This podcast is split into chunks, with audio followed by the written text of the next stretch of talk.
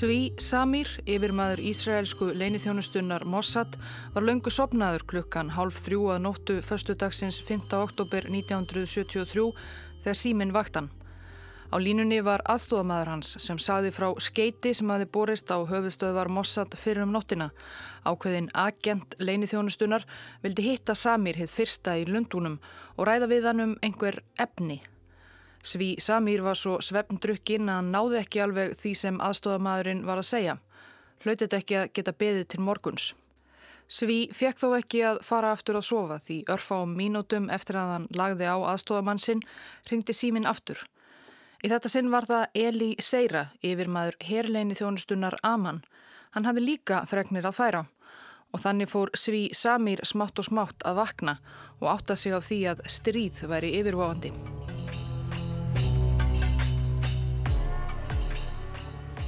Í síðasta þætti í ljósi sögunar var fjallaðum mannanabni Ashraf Marwan. Hann var tengdasónur Gamals Abdul Nasser, leittóa Egiptalands 1952 til 1970 og hann starfaði í egipska stjórnkerfinu um ára byll. Nasser hafði reynda lítið álita á þessum tengdasinni sínum, treysti honum aldrei alveg.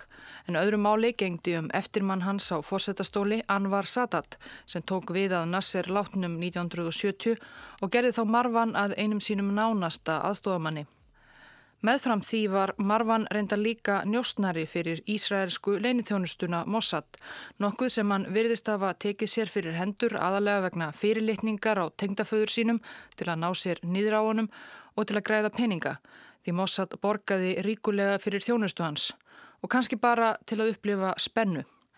Í síðasta þætti fór ég yfir það hvernig á árunum 1970 til 73 Marvan let Mossad reglulega í tíu ítarlegar upplýsingar um skipulag og tækjakost ekifska hersins og hvort eða hvenar hann higði á árás á Ísraelsríki. Anvar Sadat hugði einmitt á slíka árás til að vonandi endur heimta hinn gríðarstóra Sínæskaga sem Ísraelar höfðu lagt undir sig í síðasta stríði Ísraels og Araparíkjana, sexdagastríðinu 1967 og um leið endur heimta heiður Egiptalands eftir þann vandræðarlega ósigur. Og Asraf Marwan hangat sagt Mossad allt um málið.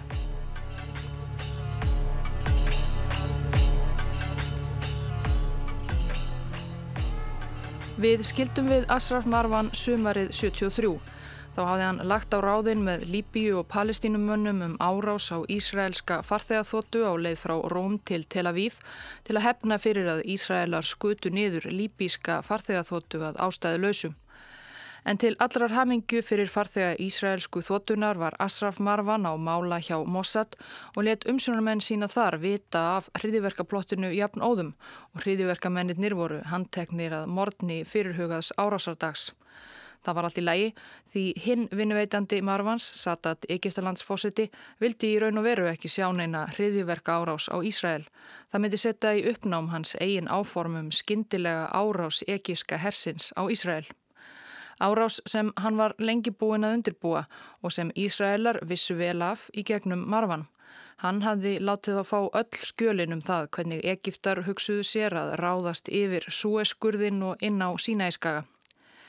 En áætlunin var óraunsæg að mörguleiti. Egiptar voru ennað byggja upp hersinn að nýju eftir að hafa mist mikið í sextagastríðinu nær allan flugvilaflóta sinn til að mynda. Orustu þóturnar sem þeir hafðu síðan eignast, sovjískar MiG-21 þótur, stóðust nýjustu bandarísku fluggræjum Ísraelshers ekki snúning. Nýheldur áttu Egiptar langdrægar eldflögar til að vernda hermenn sína ef þeir legðu á sína í skagan og sovjetmenn vildu ómögulega selja þeim. Þegar áleið varð staða Sadats forsetta verri.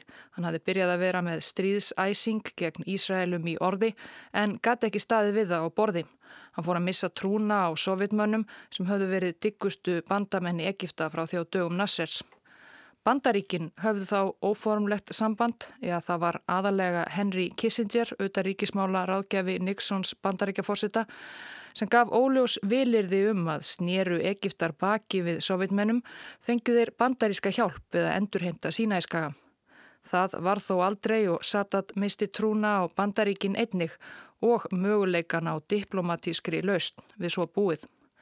Svo að 24. oktober 1972 bóðaði Anvar Sadat til fundar í æðsta ráði ekifska hersins þar sem hann skipaði herfóringum sínum að íta öllum evasemdum um vopnabúr og getu til hliðar og hefja formlegan undirbúning að árás á Ísraelsríki.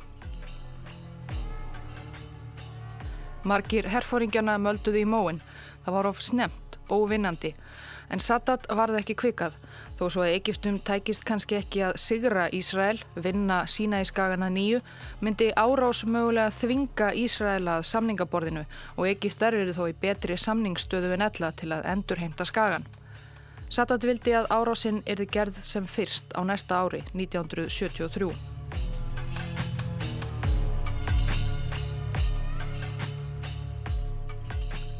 Ný stríðsáætlun var all hóværari en þær sem Marvan hafði þá fært Ísraelum. Nú var markmið Sadats í raun bara að leggja undir sig smá landsvæði á austurbakka Súeskurðarins, ekki allan sína í skagan, bara að þreita aðeins Ísraelska herin. Áallunin gerði líka ráð fyrir að um leið og Egiptar færu yfir skurðin myndu bandamenn þeirra sírlendingar ráðast á landsvæðið sem Ísraels ríki hafði hýrt af þeim í sextagastríðinu, Gólanhæðir, svo Ísraelar neittust til að verjast á tveimur víkstöðum. En áalluninni var reyndar að mestu haldið leindri fyrir sírlenskum stjórnvöldum. Sadat fórseti vildi ekki að sinn sírlenski starfsbróðir Hafez al-Assad sírlandsfórseti vissi hvað stríðsmetnaður hans væri í raun lítill svo að sírlenski herin gæfi sig allavega öruglega allan í átökinn.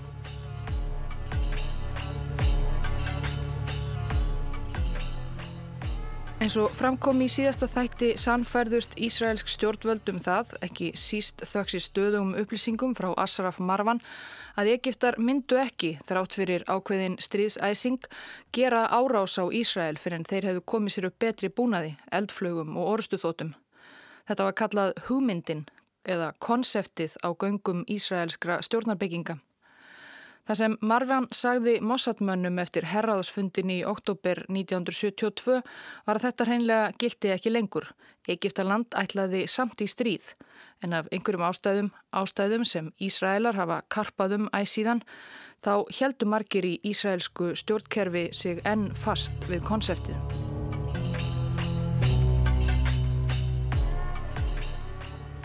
Mossad er þekktust leinithjónustu stofnana Ísraels úr kvikmyndum og spennusögum en er ekki svo eina. Hlutverk Mossad er að sinna eftirliti og njóstnum á erlendum vettvangi. Sinn bet sinnir sambarilegum störfum innan Ísraels og við fengum að kynast þriðju stofnunin í síðasta þætti, Aman, leinithjónustu Ísraelska hersins, sem einn af þeim Ísraelum sem Marvan átti mest samskipti við, meir, meir, starfaði fyrir. Marwan var maður Mossad og átti langmest samskipti við Mossad en upplýsingar frá honum bárust samt sem áður fljótt yfir til herrleini þjónustunnar Aman en það hefð fyrir nánu samstarfi þar á milli. Æðsti yfirmaður Aman á þessum tíma, Eli Seira, var einn af fáum sem vissu einhver deili á því hver engill Mossad var í raun og veru því það var Marwan kallaður. Mossad og Aman kom þó ekki alltaf saman og yfirmönnunum Sví Samir og Eli Seira gerði það ekki alltaf heldur. Marwan var maður Mossad og Eli Seira hafði ættið minni trú á upplýsingunum sem frá honum komu. Hann hafði reyndar grunað frá byrjun og gerði það enn þegar þarna var komið sögu að Marwan væri mögulega gagnnjósnari og því ekki treystandi. Á eldhúsfundunum hjá Goldu Meir fórsættisráþra þar sem saman komu hennar nánustu samstagsmenn meðal annars Samir og Seira og varnamálaráþurann Mósi Dæjan var því hart deilt um hvað bæri að gera, taka mark á marvan eða ekki, búa sig undir stríð eða ekki.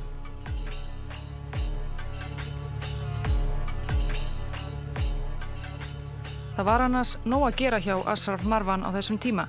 Hann var í fullu starfi sem hægri hönd Anvars Sadat fórsetta sífælt á ferð og flögi um heimin í einhverjum erindagjörðum fyrir fórsetan og svo voru það tíðarferðir til Lundúna að þetta dúbi umsjónarmann sinn og hina félagana ár Mossad á hótelherbergjum hér og þar og Marwan fann sér líka tíma til að stunda viðskipti og hagnast á þeim. Eftir að Gamal Abdul Nasser tengdafæðir hans, sem var prinsip maður og móti því að fjölskylda hans hagnaðist á stöðu sinni, lest þá hófst Marvan handa við að nýta öll tækifæri til að græða peninga. Það var svo sem alvanalegt fyrir Egipta í hans stöðum. Launin frá Mossad kom sér vel þegar Marwan fór að stunda ímiskunar brask. Hann keipti til dæmis stórar landsbyldur í nágræni Kæró, let svo vini sína í stjórnkerfinu auka verðgildi þeirra og seldi síðan með miklum hagnaði. Sadat fórseti fól Marwan sérstaka ábyrð á samskiptum við tvö Araparíki, Sáti, Arabíu og Líbíu.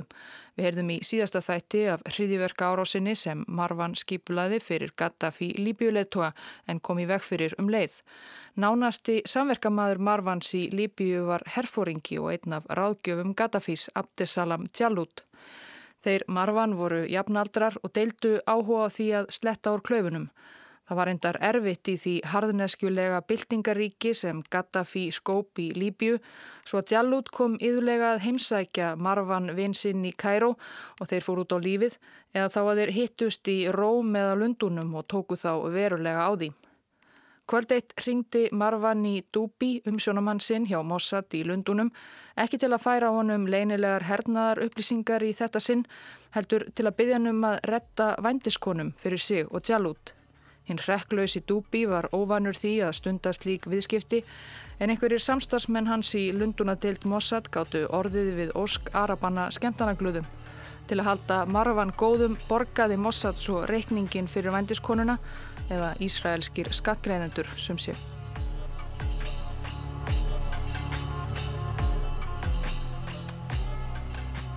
Sögusagnir af spillingu, Asrafs Marvan og gjálífi fóru fljótt að spyrjast út um Egipst samfélag og mörgum þótti nógum. Mörgum gramdist líka hvað hann hafi skindilega fengið valdamikla stöðu, svona ungur og reynslu lítill. En Anvar Sadat stóð alltaf þjætt við bakið á sínum manni. Síðdegis á fymtudeginum 4. oktober 1973 tók Mossad maðurinn sem kallaður er Dubi síntal frá skjólstæðingi sínum englinum Ashraf Marwan. Dubi heyrði að Marwan var ekki einn. Í bakgrunninum heyrði hann menn tala á arabísku. Marwan hafi verið sendur með ekifskri sendinemnd til Parísar. Dagskráin var þétt og hann átti erfitt með að finna ró og næði fyrir símtal. Hann gæti ekki spjalla lengi, saði Marwan, en erindið var mikilvægt. Dúbi, sem hafi þá þekkt Marvan í hátt í þrjú ár, heyrði að hann var afar taugástyrkur. Hann kom sér að efninu. Það varðaði efnin, sagðan, mikið af efnum og það var afar brínt að hann hitti hersauðingjan sem fyrst á morgun í Lundunum. Þegar aðrir voru nálægir rættu Marvan og Dúbi saman á eins konar dölmáli. Marvan var mentaður efnafræðingur svo dölmálið var tekið úr efnafræðimáli. Til að vara Ísraela við yfirvofandi ekifskri hernaðaraðgerð gata hann nefnt nokkur mismunandi frumefni eftir eðli árásarinnar og bara efni það merti stríð.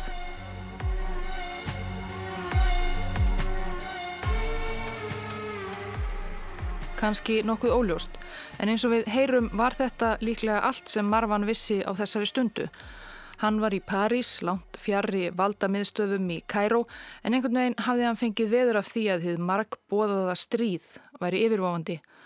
Dúbi ringdi strax í yfirmann sinn í Lundunateilt Mossad og tjáði honum að engillin vildi hitta hersöðingjan, það er yfirmann Mossad Sví Samir, í Lundunum daginn eftir og ræða við hann um efni eða stríð. Það var komið miðnætti að staðartíma þegar skýrslan um símtalið barst til höfuðstöðva í Tel Avív.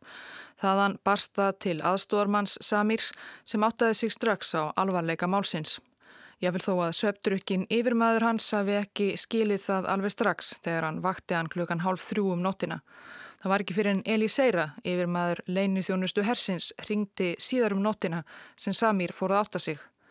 Seira, sem hafi aldrei ringdi Samir svo senkt áður, saði að fregnir hefðu borist af því að Sovjetríkin væru að flytja landa sína burt frá Sýrlandi í hasti eins og stríð væri yfirvóndi. Gæti það verið. Samir lagði tvo og tvo saman. Aðstóðamæður hans bókaði miða með morgunflugi El Al frá Tel Aviv til Lunduna og Samir skundaði á stað. Þetta var raunar eina flug dagsins til Lunduna. Því förstu dagurinn 5. oktober sem þá var upprunnin var dagurinn fyrir eina helstu trúarháttíð gýðinga á ári hverju, dag friðþægingarinnar eða Jóm Kippur.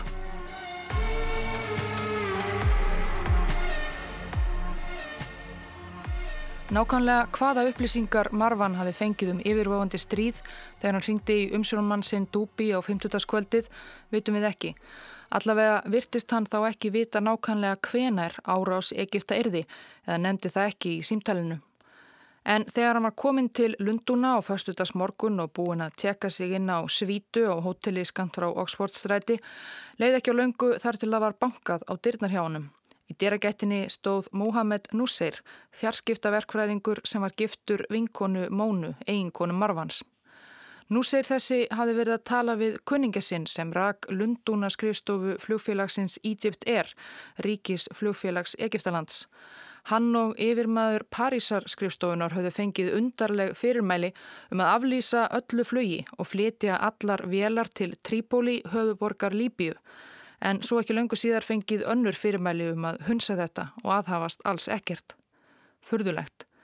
Nú segir vissi að Asraf Marvan væri í bænum og hann vissi yfirleitt allt um allt svona. Hann hlítið að vita hvað væri eiginlega í gangi. Nusseir saði síðar að Marvan hefði krossbrúðið, stokkið upp úr stólnum og rópað stríðið er að hefjast. Samkvæmt stríðsáætlununum sem Marvan hafi stúterað ítarlega á undanförnum árum átti að flytja ekískar farþegafljóvilar í Evrópu til vinnveittra ríkja eins og Líbíu fyrir árásina á Ísrael.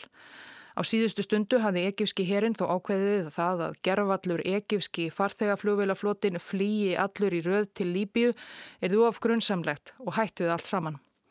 Núsir, hann lísti þessu öllu síðar í sjónvarsviðtali, segir að Marvan hafi farið afsýðis og ringt eitt símtal, komið svo fram og sagt að hann yrði að komast til Kæróhið fyrsta. Stríðið myndi hefjast á morgun.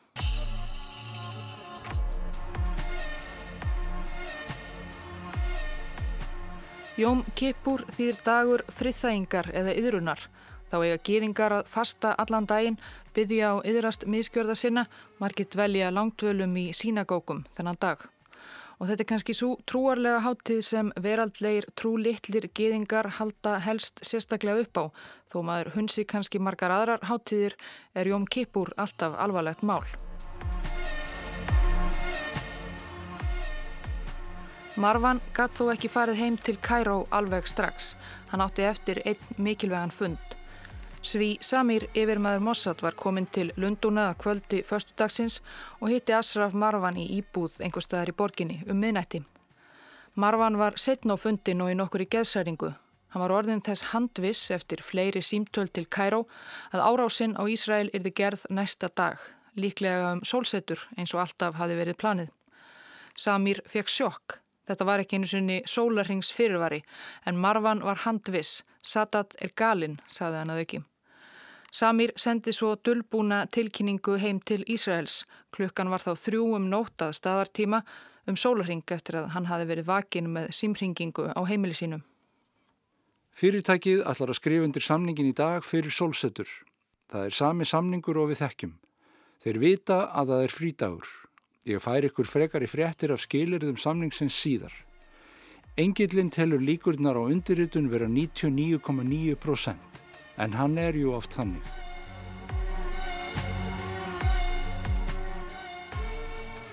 Þessi síðasta setning vísar til þess að Marvan hafði áður bóðað Ísraelum yfirvofandi stríð og það stóðst á endanum ekki. Í upphafi hafði Sadat fórseti áætlað að árás Egiptalands yrði fyrripart ársins 1973. Í mæ 73 höfðu Egiptar haft umfangsmiklar heræfingar við súeskurðin og þá hafði Marwan sagt Mossad að árás yrði gerð 15. mæ. En heræfingarnar og dagsetningin sem látin var kvisast út rindist allt vera blekkingarleikur til að slá riki í augun á Ísraelum. Það var þá sem margir þeirra sem þegar efuðust um ágæti engilsins sem heimildarmanns eins og Eli Seira yfir maður leini þjónustu hersins urðu vissari í sinni sök.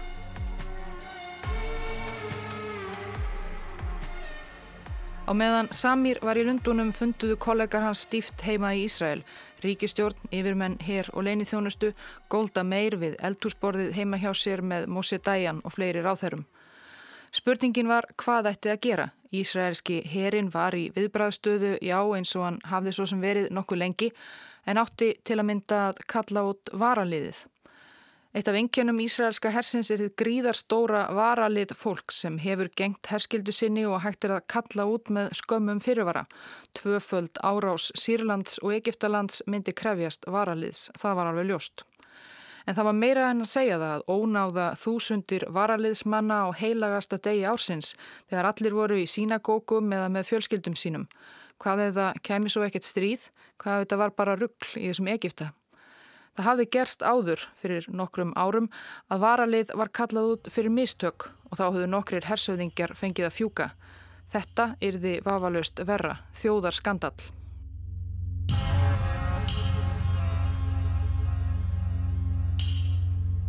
Það var ekki fyrir en skeitið kom frá Lundunum um samningin sem tilstæði að undirrita við sólsetur að flestir toppar samfærðust.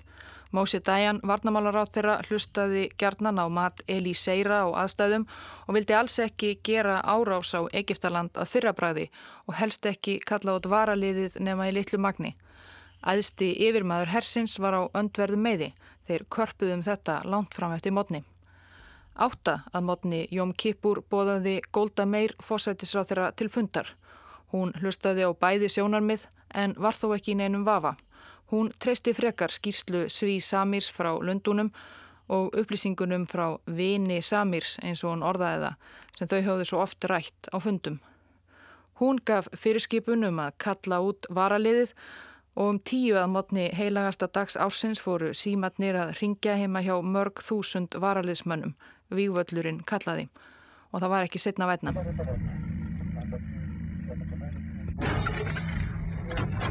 Sætlaug. Það var klukkan tvö eftir hádegi á Jóm Kippur, degi friðþægingarinnar 7. oktober 1973 sem Egiptar settu í gang og fóru að flæða yfir súeskurðin og sírlendingar mörg hundruð kílometra í burtu en samtímis streymdu yfir á sínar herrteknu gólanhæðir. Þetta kom Ísraelum þrátt fyrir allt í opna sköldu. Marvan hafði alltaf talað um sólsetur en Marvan hafi verið svo mikið á ferð og flögi síðustu vikur og mánuði, hann gæti ekki fylst með öllu sem gerðist heima í Kæró. Hann vissi ekki að það var búið að breyta áætluninni og færa árásina fram.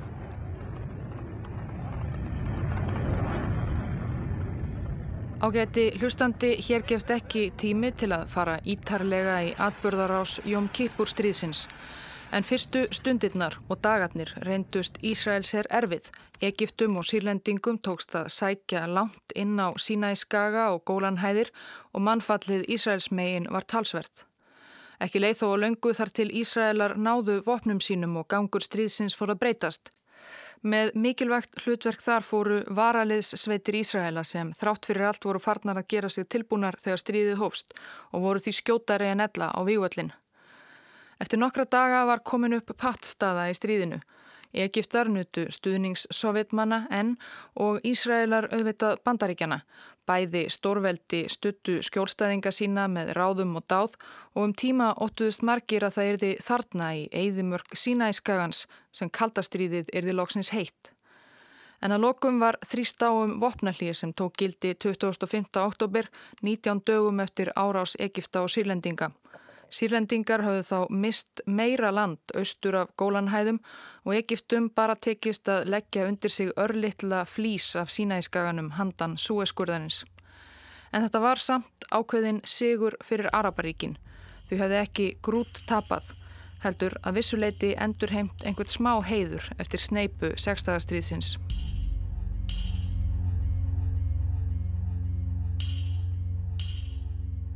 2521 Ísraelskur hermaður fjall á 19 dögum Jóm Kipurstríðsins.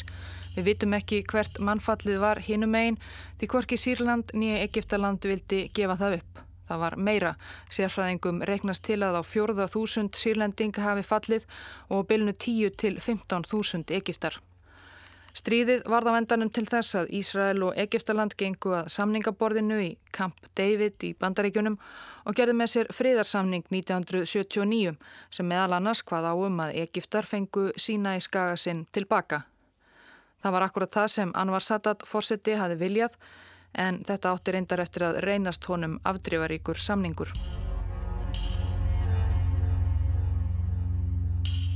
Margir sem rínt hafa í gang Jóm Kippur stríðsins síðar telja víst að þó að vissulega hefðu Ísraelar mátt vera betur undir árásina búnir meðan við allan aðdragandan hefði undirbúningur ekki verið að einhverju leiti hafinn, varaliðið að minnstakosti ekki verið í viðbræðstöðu, hefði stríðið geta farið mjög illa fyrir Ísraelsherr. Mannfallið hefði að minnstakosti orðið meira Ísraelsmegin og það hefði liðið lengri tími áður en stríðið fór að ganga Ísraelum í hag. Og þetta í Ísrael englinum að þakka.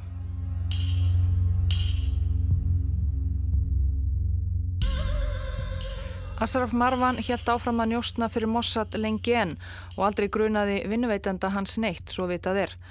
En hann var þeldur aldrei aftur eins mikilvægur Mossad og hann hafi verið í aðdraganda Jóm Kipurstríðsins. Ferðirnar til unduna og fundirnir með dúbi urðu með árunum fátíðari. Þessi staðnotaði Marwan tíman meira til að braska með fasteignir og hlutabref. Árið 1976 voru sögurnar um gengdarlösa spillingu hans orðnar svo háværar að jafnvel Sadat varða hlusta og Marwan var rekin. Hann hafði þá á sex ára ferli komist í hæstu stöðu framið stórkostleg landráð og hagnast gífurlega og hann var enn bara 32 ára gamal. Hann fekk stöðu í staðin hjá sam-arabískum vopnaframleðanda en endist heldur ekki þar. Anvar Sadat var ráðin af dögum 7. oktober 1981 af öfgamönnum andstæðingum fríðarsamningsins við Ísrael og þá fór Marwan al-Farin til Lunduna. Þar hjælt hann áfram að hagnast á viðskiptum, viðskiptum sem við vitum lítið um hver voru. Líklega hefur hann stundað einhver vopnaviðskipti allavega fyrstu árin, hann var með góð tengsl í þeim bransam og svo fjárfesti hann í hinu og þessu svona misvavasömu.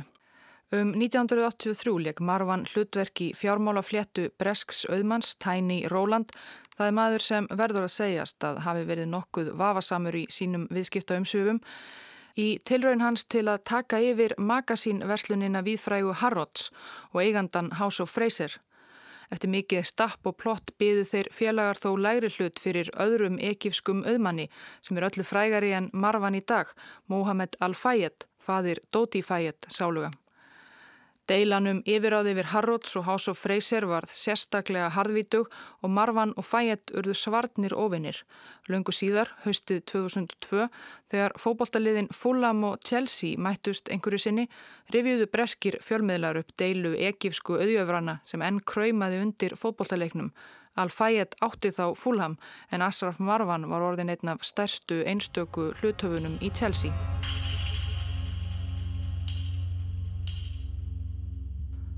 Aðdragandi Jóm Kippurstríðsins, hvað Ísraelar vissu fyrirfram, hvaða viðvaranir þeir kannski hunsuðu, hefur lengi verið hittamáli í Ísrael. Í því skyni hafa Ísraelar reynd að greina hvert skref, hverja sekundu í atbúraðrásinni sem hér hefur verið líst í stutumáli, hver vissi hvað og hver sagði hvað hvenar. Auðvita kvildi mest leind yfir hlutverki engilsins. En þegar árin liðu fóru sakfræðingar að þefa upp í vísbendingar um að Mossad hefði borist viðvörun um árás Egiptalands fyrirfram.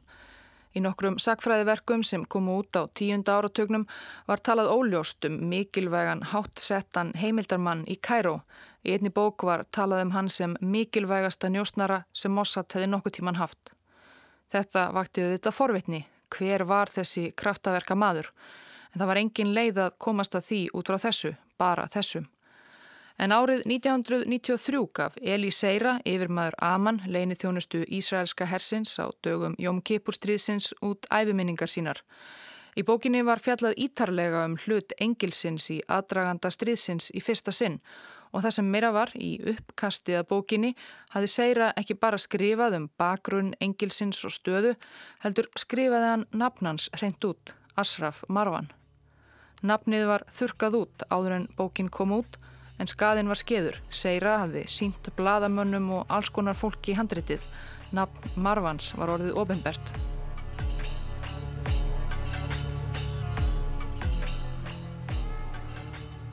Leini þjónustur eiga að vernda heimildarmenn sína með öllum leiðum.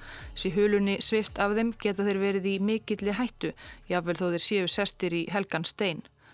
En Eli Seira var alltaf og er enn vissum að Marvan hafi verið gagnunjósnari sem blekti Ísraela svo honum var kannski alveg sama um að stefnunum í hættu.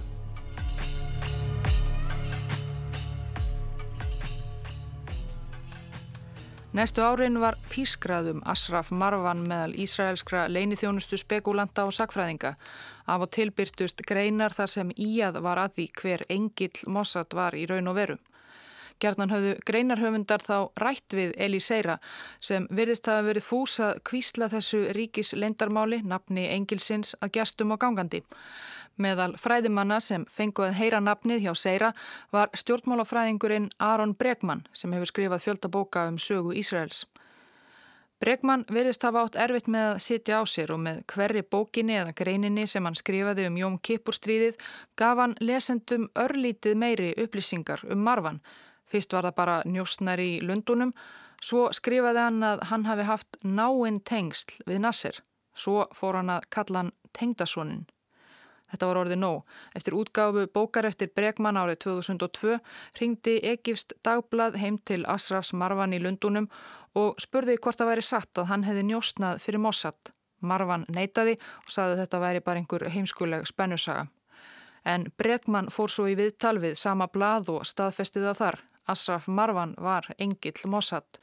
Marwan hafði hætt öllum formlegum samskiptum við Mossad 1998 en hann hafði alltaf haldið sambandi við Dúbi umsjónamann sinn þeir rættu saman í síma endrum og sinnum en nú hætti Marwan að taka síman frá Dúbi.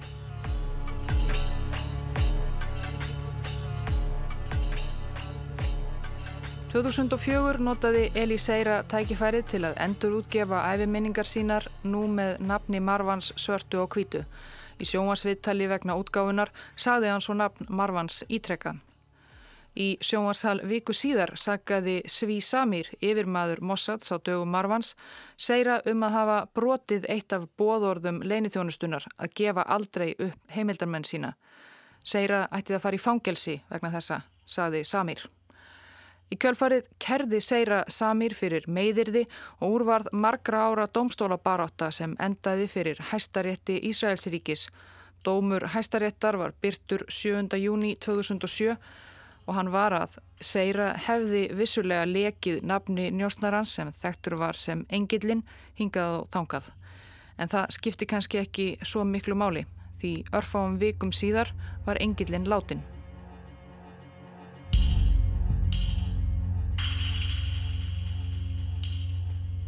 Við vitum ekki nákvæmlega hver viðskipta umsvið Asrafs Marvan voru síðustu árin. Hann átti hluti í hinu og þessu virðist vera. Annars var hann árið 2007 orðin 63 ára og nokkuð helsuveill og búin að eignast barnabörn sem nokkuð mikil tími fór í að sinna. Hann var vell auðugur en létt lítið fyrir sér fara, ólíkt mörgum auðjöfrum Lundúnaborgar. Við vitum þó að Marvan átti meiri hluta í Ubichem, litlu efnafyrirtæki í Sáþamtón Við vitum það vegna þess að 27. júni 2007 var búða til fundar nokkura yfirmanna Ubikem með eigandanum Asraf Marwan. Til að tryggja að Marwan kæmist öruglega var ákveðið að leia fundarherbergi í skrifstofubyggingu sem var hinum egin við göttuna sem Marwan bjó við á fymtu hæði í fínu fjölbillishúsi í Vestminster. Það var svo nálagt að fundarmenn Forstjórin Assam Sveiki, Egipti, ungvergin Jósef Repasi og tveir brettar, John Roberts og Michael Parkhurst, svo nálægt að fundar menn gáttu séð út um glugga á fundarherbygginu svalitnar á fínu íbúðinni hans Marvans hinum einn.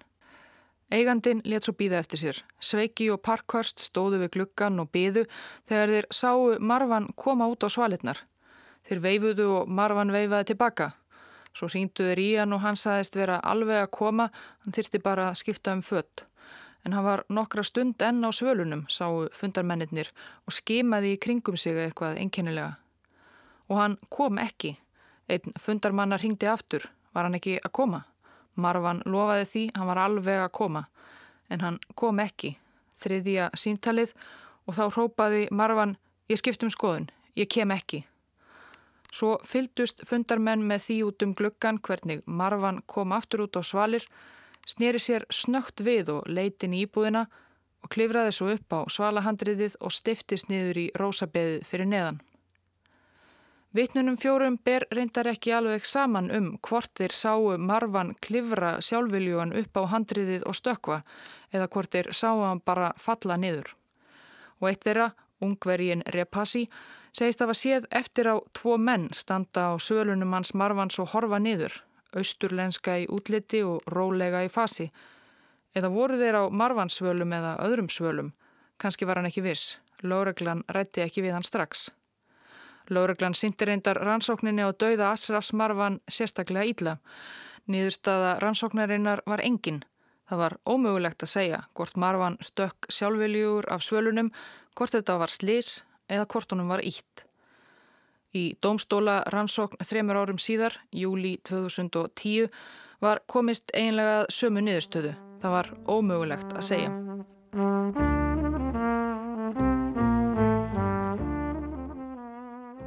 Ekki Marvans, Móna, dóttir Nassers, hefur haldið í fram að Mossad hafi myrt einmann hennar.